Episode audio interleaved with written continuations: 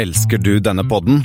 Gjennom Acasts nye supporterfunksjon kan du nå vise din støtte til podskaperne. Det er helt opp til deg hvor mye du ønsker å bidra med. Klikk på lenken i podbeskrivelsen for å støtte podkasten.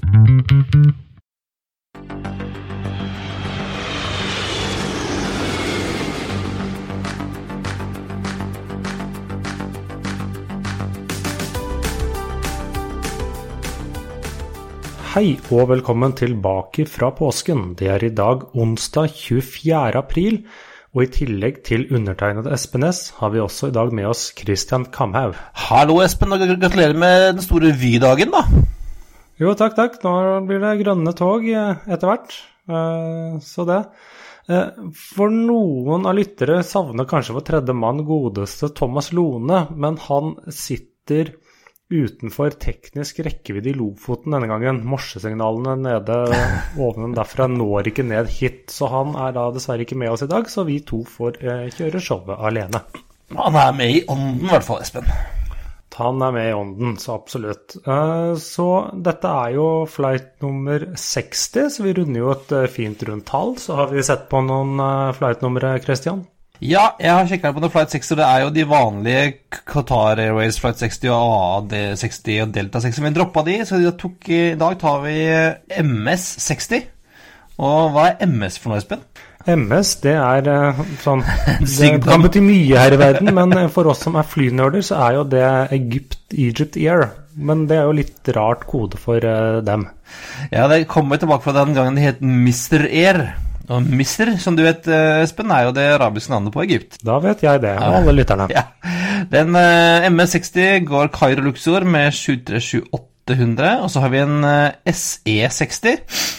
Uh, det er XL Airways France. Eh, det som er igjen av XL Airways, som gikk jo konk for noen år siden, til resten av selskapet, går Charles de Gaulle JFK med en eh, A330-200, og så har vi M... Nei, ikke MH, HM60, eh, som er Seychelles Johannesburg Victoria med en A320. Og for de som ikke kjenner Victoria, så er altså det hovedflyplassen på Seychellene, som ligger på hodet av Mahé. Vært der, Espen? Nei, jeg har vært i Johannesburg, men ikke, i, eh, ikke på Seychellene. Dessverre. Dessverre. Eh, En annen, dessverre, Vi har dessverre en, eh, en ulykkesflight 60 òg. Det dukker jo alltid opp når vi søker på disse flightnumrene. Så dukker det av og til opp en ulykkesflight. Og eh, denne her er sånn ANA flight 60 som gikk Sapporo Tokyo Haneda. Det var jo samme som den flight eh, 58 som vi snakket, snakket om for to flighter siden. Uh, 4.2.1965, en Boeing 72700 med 126 passasjerer og 7 crew styrta i havet i, i, en, i et overraskende i helt klarvær. I det mørkt, men klart vær på vei inn til Haneda. Alle om bord omkom. Ah, årsaken til ulykken er aldri funnet. Eh, og i dag så ser det veldig sjelden ulykker, heldigvis, men på 60-tallet så var det jo mer vanlig, kan du si. Og i 1966 da, så ble Japan rystet av eh, ikke mindre enn fem dødelige ulykker på ni måneder. Det er jo ganske mange, spesielt tank når man ser eh, hvordan, hvor mye mindre trafikken var på den tiden. Ja, altså, altså En måned etter flight eh, ANA 60 så var det Canadian Pacific Airlines flight 402, en DC-8, eh, som eh, traff noen lys på vei inn til landing på Haneda. og 62, 64 av 72 eh, omkom. Eh, og dette er helt freaky, men altså mindre enn et døgn senere så krasjet Boak flight 911, en Boeing 707. Eh, styrta mens, ved nærheten av Mount Fuji pga. clear air turbulence. Og det finnes et bilde av dette flyet før, på vei til, til å ta av, taxer forbi det utbrente vraket av, eh, av Canadian Pacific eh, 40 402. Så er det som i løpet av 24 timer to dødsulykker i Japan. Eh, 124 omkom der. Eh, og i august da, så hadde du en eh, Japan Airlines Convair 880 som styrtet med fem eh, omkomne. Og så hadde du eh, All Nippon Airlines Flight 533, som var en sånn YS11 turboprop, som krasja eh, med 50 døde i november. Eh, så det kan jo si at eh, luftfarten i Japan eh, i 1966 hadde jo ikke akkurat, akkurat, akkurat stor tillit, vil jeg tro. Nei, det var jo ekstremt uh, dårlig. Men uh, heldigvis er det ikke like ille som det lenger nå. Nei. Er, sikkerheten er jo blitt mye høyere. Det skjer veldig, heldigvis veldig sjelden ulykker. Er jo, vi har jo noen som påstår at uh, ulykkene kommer i, i, tre, men her kom det altså fem da, i, i Japan 1966. Lært det. Men uh, skal vi videre i sendingen, Espen? Vi skal videre fordi at eh, det er jo to uker siden sist gang vi hadde en innspilling. Og det var jo ikke lenge etter vi hadde forrige det ble sluppet noen nyheter fra den andre siden av dammen, Christian. Ja, det er jo ulempen da med å ha en ukentlig podkast. Kanskje skulle gått over til daglig, sånn som Giæver og gjengen i VG. Hva sier du til det, Espen? Eh, det spørs om noen hjemme ikke blitt sånn helt fornøyd med det. Nei, vi får ikke betalt for det. Men altså, vi satt jo og ventet på dette forrige gang, og da kom det vel, mens jeg kjørte hjem fra deg, så kom vel nyheten omtrent om at JetBlue lanserte eh, endelig, altså verdens minst Hva da? Mest kjente hemmelighet.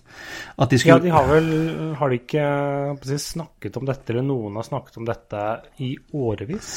Ja, det har snakket, vært snakket lenge om at de skulle begynne å fly til Europa, og da slapp de altså uh, nyheten om at de skulle fly New York og Boston til London. Men ikke hvilken flyplass. Det er foreløpig litt ute det blå. Nei, det kommer litt an på Ja, og ikke minst er det jo uh, De skal jo ikke begynne om en 14 dagers tid heller. De skal jo begynne i 2021. Ja, for de bestilte samtidig flyene de skal bruke nå. For de, de har jo da omgjort deler av ordren sin på Airbus A321 til 321 LR. Så de liksom har nok rekkevidde til å komme seg over Atlanteren. Ja, og, um, og, noe av grunnen til at de er så tidlig ute, kan være at de nå eh, ganske tidlig måtte flagge at de ville ha slotts.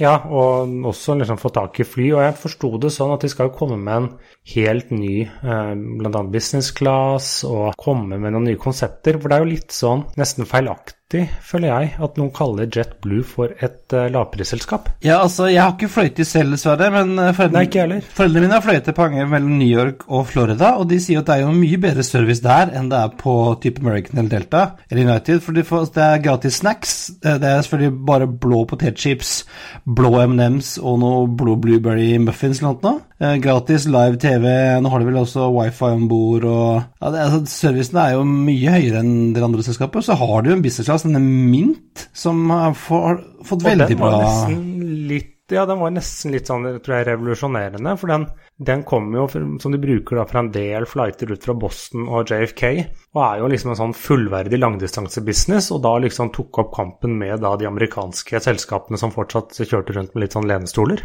Ja, og de har jo, for de har jo fløyet en stund transatlant, trans, ikke transatlantisk, trans, transcontinental, og det er jo nesten like langt å fly New York til LA som det er å fly New York til, til London, ikke lange biten unna. Så, um, men altså, veldig lite konkret ennå. Det er altså Boston og London. Det er ingen snakket om hvor ofte de skal fly.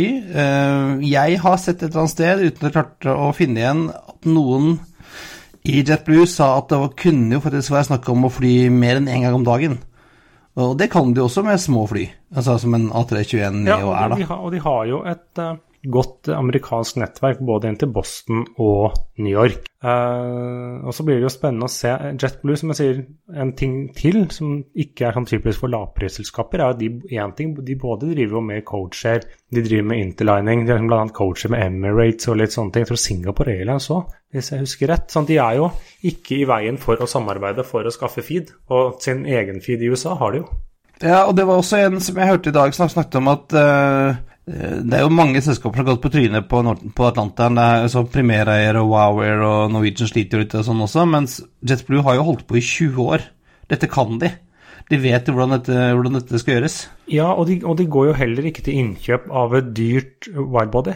Nei, eh, og, og, det er sånn, hvis det ikke går så bra på New York, så, New York London, så er det bare å sette det inn på, på Transcon, og så er det sånn, det er løst. Eh, og som du sier, de har god feed i USA, og så har de jo mulighet på feed på andre siden også, for de har jo codeshare med Lufthansa. Lufthansa er vel på eiersiden da? Ja, var, var. De eide 20 ja. og så solgte seg ut for noen år tilbake. Og så hørte jeg også en annen ting i dag eh, som var litt gøy, som jeg tenkte hmm, fordi eh, de har jo bestilt A220. Og A220-300 kan jo fly New York til London. Ja, men da skal det være litt romslig om bord, skal det ikke det? Jo, men det blir det vel, og da kan de jo faktisk fly til London City. Nei, ikke med 300, da må du ha 100. Å ja, ok. Ja, men eh, det skulle ikke det gå an å fly eh, London City eh, til New York med eh, A220? Og det er jo et, et interessant opplegg, da.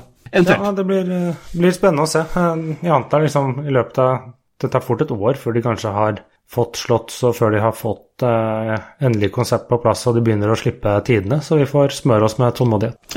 Og andre som må smøre seg med tålmodighet, Espen, det er de som sitter på noen 737 Maxer. Ja, de eh, må smøre seg med tålmodighet. Også, man vet jo heller ikke hvor tjukt man skal smøre. For de av våre lyttere som da ikke har helt eh, fått med seg hva som har skjedd der i påsken, så kan jo vi ta en liten rask oppsummering. Eh, det som har skjedd, er at Boeing sier at nå er de ferdig med å teste den såkalte nye softwaren som skal hindre at denne M-kassen løper av gårde. Eh, Men det som nå tar tid, vil jo da være denne sertifiseringen av dette. Det er vel flere myndigheter nå som liksom har startet sertifiseringen eller skal begynne sertifiseringen. Og dette kommer trolig til å ta tid. Det jeg liksom leser litt rundt omkring, er at i hvert fall til juli før dette blir sertifisert. Og så kommer det en implementeringsfase, slik at det er, jo litt forskjellig fra selskap til selskap. De fleste selskaper nå har kansellert alt av maxflighter ut august. Noen eh, litt lenger, og noen litt kortere. Så det er jo helt tydelig at eh, disse flyene blir stående lenge. Og så I tillegg til det da, så er også nå eh, er det FAA eller Nei, de skal kanskje ikke granske seg selv, men det er noen som skal da granske hvordan flyet ble sertifisert. Om det har liksom gått eh, riktig for seg i svingene, og om de har kuttet hjørner eller ikke. Så Det blir også kanskje spennende å se en potensiell smell for Boeing der. Ja, eller for FAA, for det var jo snakk om at eh, noen var litt raske der og ikke ville sertifisere Maxen som et nytt fly, men bare en, en variant av eh, 737-800. og Dermed slapp de unna med litt greier. Enda det ganske mange nye ting i den maskinen. da. Ikke bare MCAS-en, men, men motorens plassering og, og tyngdepunkt og litt sånn forskjellige ting. Så. Ja, nei, men det blir, det blir spennende. og Boeing tok jo nå et tap i første kvartal på en milliard dollar. Eh, bruttotap nå eh, annonsert i dag, så blir jo, jo lenger de flyene blir stående, jo dyrere blir det for dem. For de produseres jo fortsatt uten at de faktisk får penger for dem i dag. Ja, og det er vel 225 av de maksbestillingene som kan strykes, eh, Espen, uansett, vil jeg tro. Ja, nesten 225, for nå skal vi til konkurshjørnet. Eh, I løpet av to uker så er det jo selvsagt en konkurs i luftfarten. Take it away, Espen. Take it away, og denne gangen skal vi til Jet Airways. Vi har så vidt vært inne på dem før. Eh, De gikk da konkurs, eller de var Vel, gjorde de jo ikke det? Nei, formelt sett er det ikke konkurs, men Nei. de har innstilt driften. Ja, var det sånn temporarily suspense flight? Var det sånn, da? Ja, sånn, vi kan, vi kan komme litt tilbake til det. For at disse Jet Airways da, de var jo eh, nummer to i India. Det nest største flyselskapet. Hovedbasen var i eh, Mumbai. De hadde også en hub i Delhi og Bangalore. De startet opp i 1993 eh, med passasjer... Ja, det er vel det eneste, i tillegg til Air India, som flyr noe særlig long haul fra India? Ja, de og Air Tidligere var det jo også litt Kingfisher, men de var de og Air India. Så de hadde jo bl.a. ruter mellom Ja, de fløy til London, de fløy til New York. Hadde jo en sånn minihub i Br Brussel òg. Hadde Brussel, men den ble flytta til Amsterdam. Sånn at de fløy fra var det Bangalore, Delhi og Mumbai, jeg husker ikke om det var alle, til Amsterdam. Og så gikk da fly videre til var det New York og Toronto, i hvert fall videre derfra, og liksom hadde et coacheravtale med da eh, KLM, slik at de liksom ja, fikk litt fi der. Eh, den har vi vel holdt på med da et par år. Eh, en annen ting vi kan gå innom på, er at dagens livery av Jet Airways det er laget av våre gode kjenninger Landor. Ja, det skulle man ikke tro, for det var ganske kjedelige greier.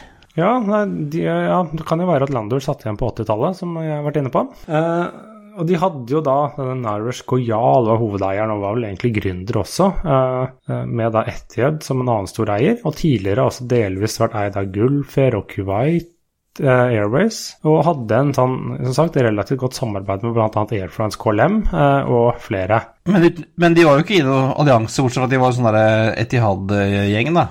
Ikke? Ja, de var egentlig ikke der heller, så de var egentlig De samarbeidet uh, med de de måtte føle for.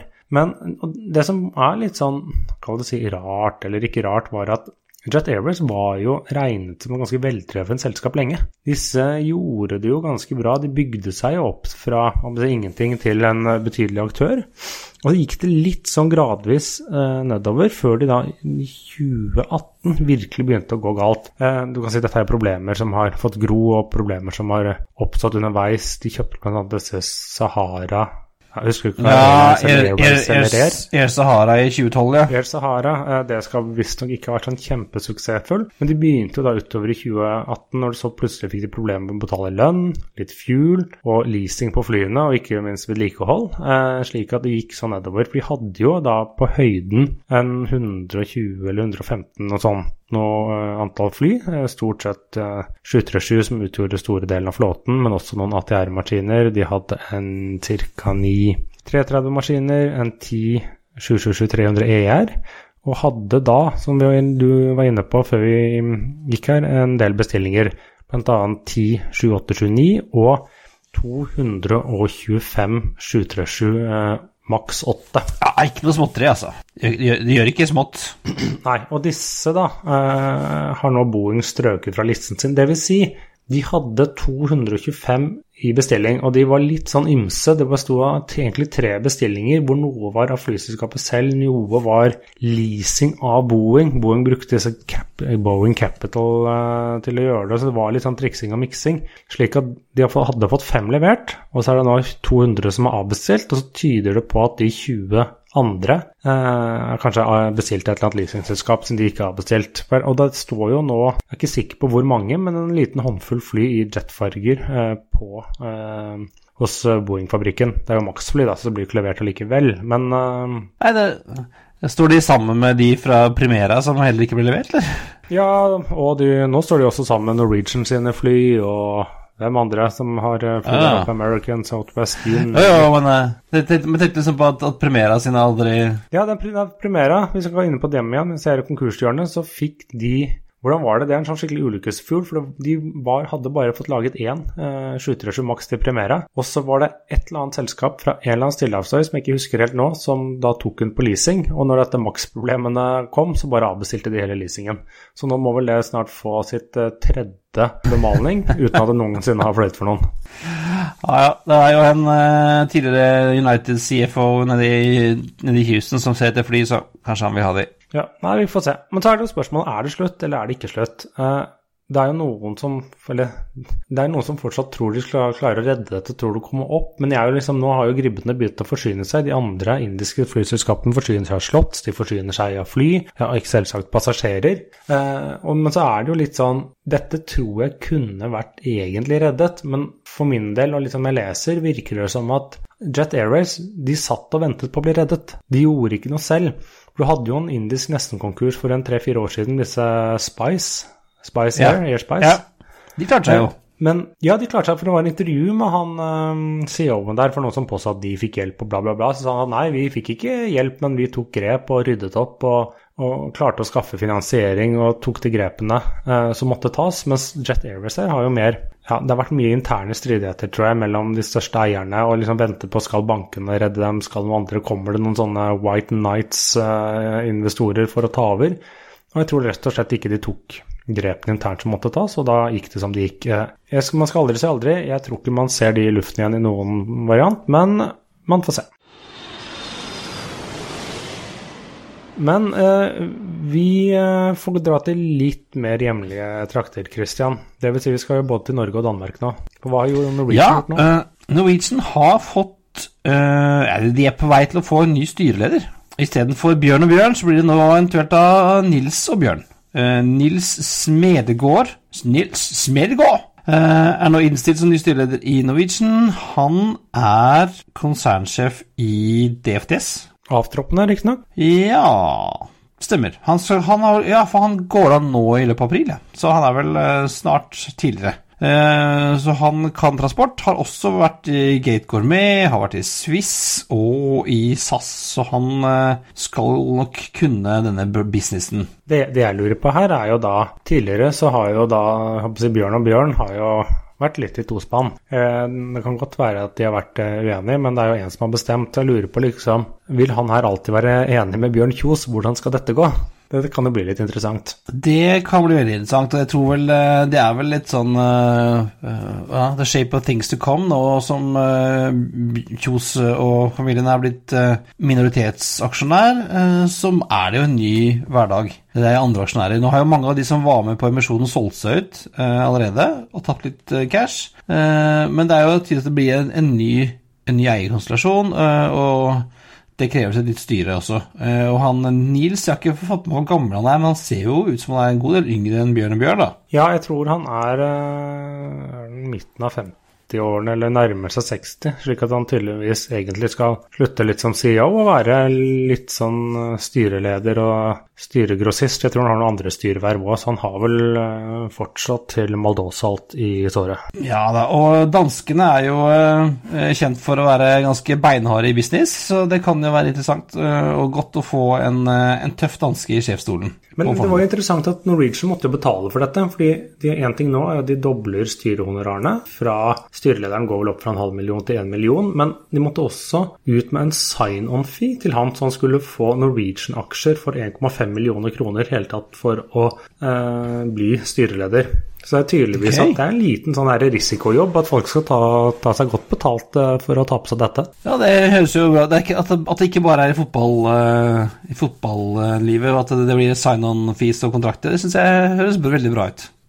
Nei, eh, men mens vi er inne på Norwegian, så er det jo en spennende dag i morgen, Espen. Da kom morgen torsdag, da kommer jo Q1-tallene. Så er det blir rødt, men hvor rødt blir det? Det blir rødt, ja. Ja, nå gjør vi det enkelt, og så sier vi at gjennomsnittlig estimat av alle disse meglerhusene er på minus 2,2 milliarder kroner før skatt. Så man ser om de overrasker positivt eller negativt. Dette kan vi jo da snakke mye om i neste podkast, selv om da nyheten er ute innen våre lyttere faktisk får hørt på oss her. Ja, så vi tør ikke å spå noen ting, men ikke annet at det blir tap. Det er vi helt sikre på. Men uh, mens eh, Norwegian vet vi jo skal tape penger, og det er vel kanskje noen som kommer til å begynne å tape penger fra fredag, Christian? Kanskje? Ja, kanskje. Nå er det jo veldig mye Dette er igjen Vi får se om, om vi er ute på en podkastspiller eh, nær deg før nyheten slippes, men altså, det er fare for SAS pilotstreik på fredag, og det er jo egentlig veldig lenge siden sist. Ja, se bort fra den der bitte lille streiken hvor var det to svensker eller to nordmenn streika for ah, to år siden. Ah, den gjelder ikke, men altså, jeg tror det er noe sånt som eh, Jeg husker når jeg slutta i 2012, så snakket vi om at det har vært sju-åtte år siden forrige streik. Så det, sånn, det, har ikke vært streik siden Men jo, det var Jo, svenskene streika for en Var det en tre-fire år siden? Ja, det var det kanskje. Ja, men altså, det har vært rolig.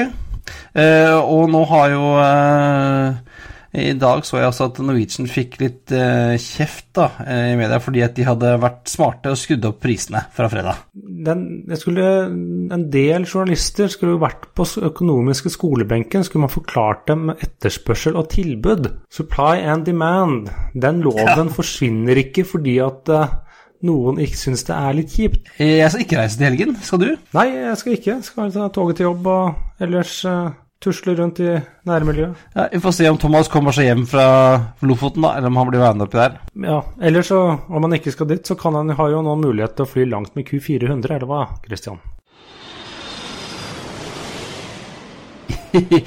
jo, altså på grunn, mye på grunn av uh, disse Max-problemene, så eh, blir det nå mulighet til å fly ordentlig langtur med Q400 mellom Bergen og Reykjavik til sommeren. Eh, Icelandair, som eh, flyr til vel, vel, hver sommer mellom eh, Bergen og, og, Island, har nå satt inn en Q400 fra, fra Flugflag Islands på denne flighten deres, som går altså åtte om morgenen fra Keflavik uh, framme i Bergen klokka ett lokaltid. Det er tre timer. Tre timer i en Q400, Espen. Det er relativt langt, men det tyder jo på at kanskje ikke ja, si, Nød lærer naken kvinne å spinne, heter det vel. Det er kanskje den Bergen er et av de få stedene de kan nå med Q400. Men uh, det spørs jo da tydelig på at kanskje ikke de flyene ditt var helt fulle. Nei, altså, men Det har vel noe med, med at de skulle satt inn maksen der også, men fra 15 mai, hvor det sikkert er litt mer eh, trykk på ruta, så, så blir det satt inn en, en 757 da, på den ruta, så det blir litt bedre. Men uh, hvis du liker å fly langt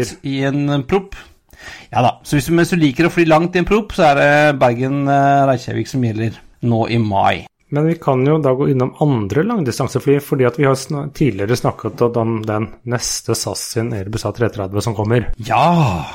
REH. Den, ja, den skulle kommet i slutten av mai, men har blitt en måned forsinket. Visstnok så skyldes det at interiøret eller stolene eller et eller annet har blitt forsinket fra leverandøren, slik at da den gode gamle traveren, LNRKP, denne LAN-maskinen, må da traske videre en ekstra måned før den kan sendes til huggeren. Skal, men skal den hugges? Er det det, er det det, det man sier? Ja, det er slik jeg forstår det, fordi at det den skal ikke brukes mer. Og så er det den at selve maskinen er ganske slitt, men slik jeg har forstått det, er det den 340 som, eller etter hva jeg har hørt, da, så er det den 340-maskinen til SAS som er de nyeste motorene. For den har fått nye motorer, sånn at de eh, kan på et eller annet tidspunkt så da de kan brukes på de andre flyene som deler. I tillegg da så bruker rett og slett maskinen som delemaskin, plukka bit for bit, og så klinker det på de andre etter hvert som de trenger vedlikehold. Ja, syns jeg den skal plasseres på Flymuseum i København når de er ferdig med å plukke biter. Det hadde vært fint, det. Litt usikker hvor mye som er igjen da, men det Ja, eh, men det altså at de blir litt forsinka Jeg skal ikke fly noe longhold med SAS eh, framover, så jeg tror jeg klarer meg fint, jeg. Ja, nei, jeg har lite, lite flyvning på programmet framover selv, og i hvert fall ikke noe langt. Så jeg skal fly SAS om tre uker, så hvis det blir en streik, så bare håper jeg den er over til da. Ja, hvis det ikke er det, så er det over for andre. Ja da, da får man finne, finne andre løsninger. Ja, eh, det har kommet litt nye litt, Jeg er veldig glad i design og sånn, som Espen. Det har kommet noen nye liveries denne uken her. Ja, og vi er kanskje litt uenige hvem av de vi liker best. Ja, er vi det. Jeg, vi også, Ja, først, jeg vet ikke, men uh, vi kan jo begynne med da, kanskje den, den minste av dem. øh, russiske Nordstar. De har kommet med nye farger. Dette er altså et selskap som holder til i heter det Krasjnojansk eller noe sånt, har de en hub, og i var det Irkutsk, Jakutsk, et eller annet sted litt sånn langt borte i Russland. De har noen andre, de har en bitte liten base i Moskva også, men de har kommet med noen nye freshe farger. Eh, Foreløpig er er den på en 737 Max. Så den er ikke levert ennå, men de har malt den i freshe farger. Og det som er, de har tatt, for de av dere som eh, husker denne fargepaletten til United, som eh, vi har vist eller snakket litt om, så de har tatt fargepaletten til United, men tatt livery til Ethiod og malt det. Så det, tenk for dere Ethiod i blått. Den er liksom hvit foran, Ja, og så har de disse mm, trekantene som er da blå, lilla, lyseblå og hvite. Vi legger selvsagt ut bilde. jeg syns det ble fint, jeg. Ja, det syns jeg absolutt. eh, Litt, eh, litt mer farger og litt mer uvant enn eh, mange andre, men absolutt stilrent og en positiv overraskelse. Veldig bra. Jeg syns den er fin. Eh, kommer vel ikke det var, Og det var jo Den her ble jo observert av noen eh, noen spottere for en stund siden, noe av den, og da var det jo mange som lurte på om dette her faktisk var nye United-fargene. Ja, for det er som sier, de har jo benyttet seg av den der fargepaletten United presenterte. De presenterte sånn seks-sju farger at disse fargene skal vi bruke på flyene våre, og så har de vel brukt fem av dem. Ja, for eh, United slapp altså sitt nye fargeskjema, som har også vært sånn uh, verdens eh, mest omtalte eh, hemmelighet uh, en god stund. Uh, slapp den, den skulle slippes i dag, i løpet av dagen i dag, men så måtte det jo være litt eh, Slapp det vel inn i natt fordi at noen hadde lekket et bilde av et fly i en hangar. Ja, er, det, er det noen flyskap som har fått nytt livery som ikke har blitt lekket? Eh, Det er jo vanskelig å gjemme et fly, liksom. Særlig hvis man, eh, hvis man skal male et annet sted enn der den skal eh, presenteres. Ja, men de burde kanskje konfiskere mobiltelefonene til de som skal male det, før de går inn. Ja. Ja, jeg tror det er vanskelig å holde det her under wraps. Uh, hvis ikke du er uh, ja, kineser, kanskje, så kanskje det går.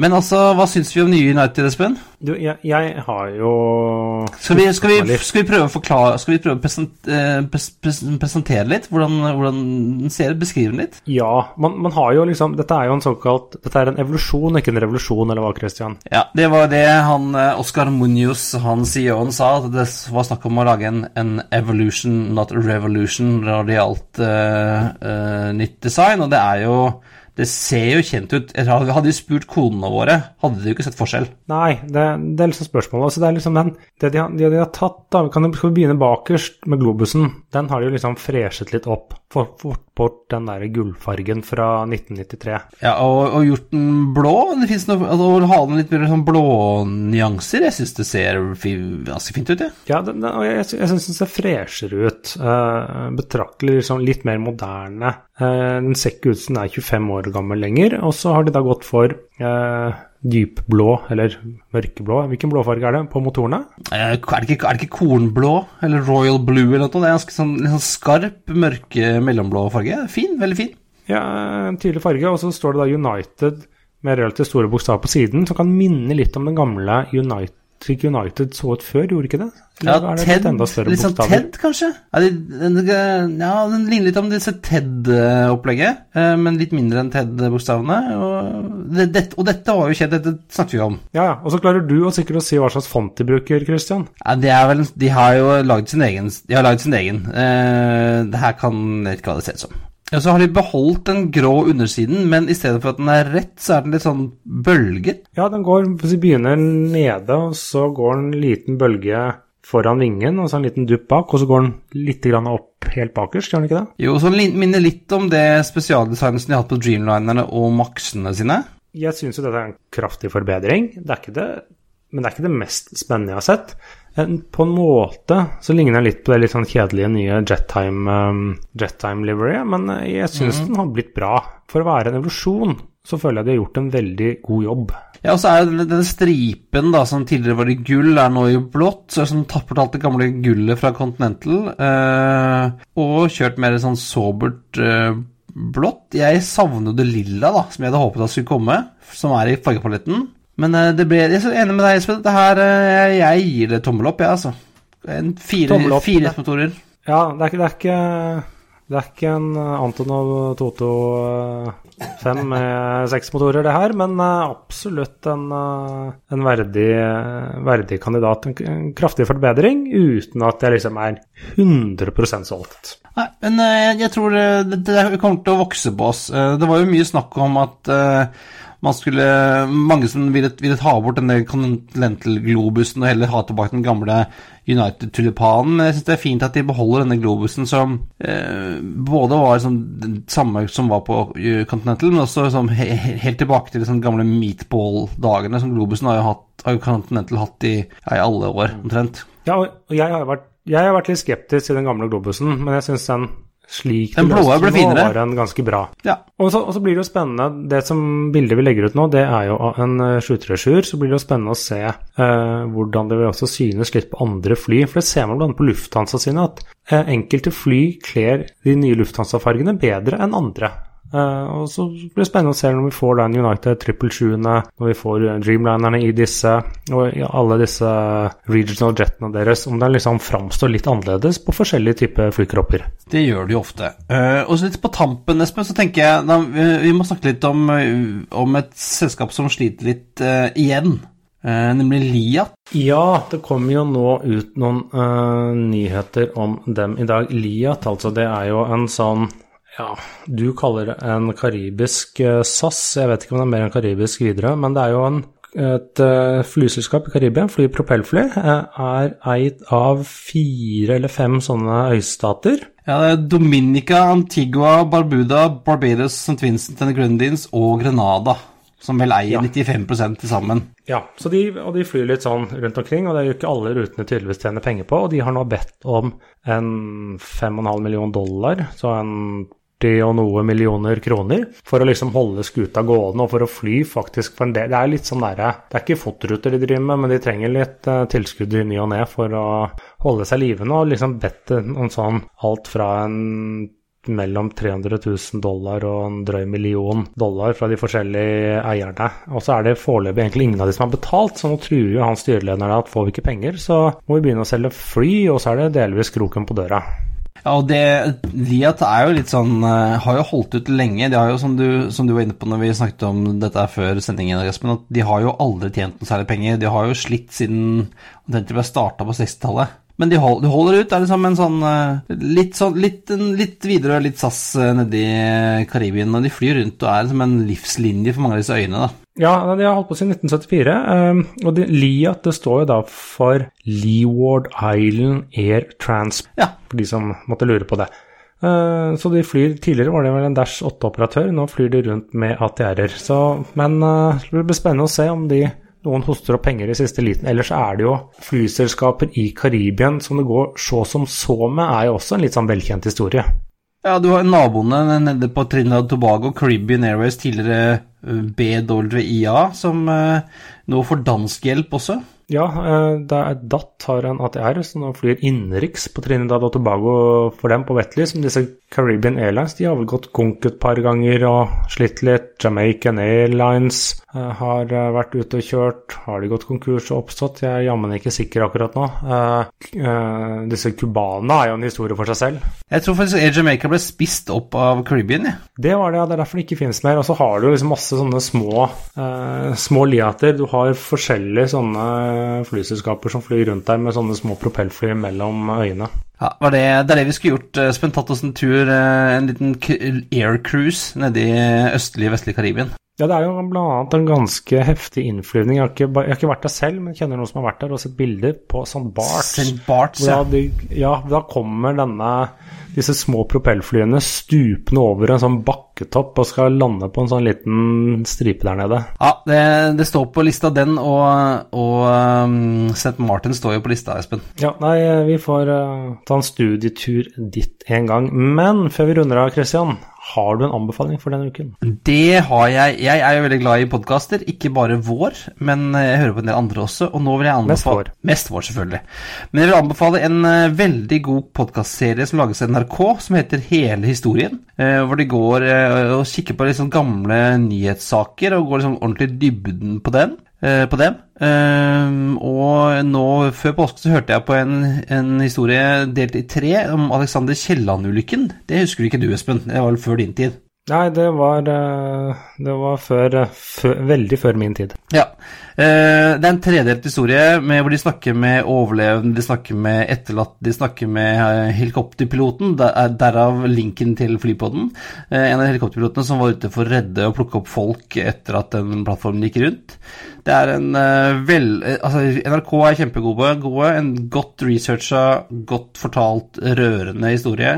Som etter det jeg hørte på tredjedelen, tenkte jeg at fy fader, de folka som omkom der, er jo helter av Norge. Det var de som var med å hjelpe oss til å bli den, den oljenasjonen vi er. Dette var jo sånn helt, helt liksom i starten av oljeeventyret. Så folk, gakk hen etter å ha hørt ferdig vår podkast.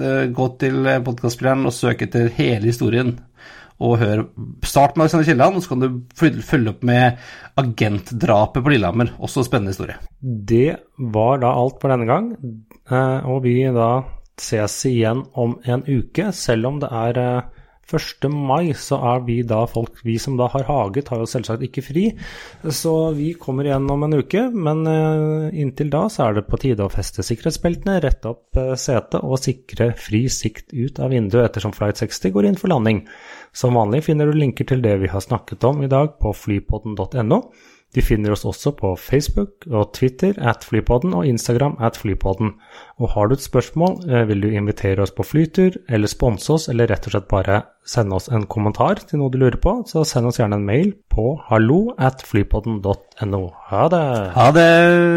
Og neste uke kommer Thomas tilbake òg. We truly appreciate your business and look forward to serving you on a future flight.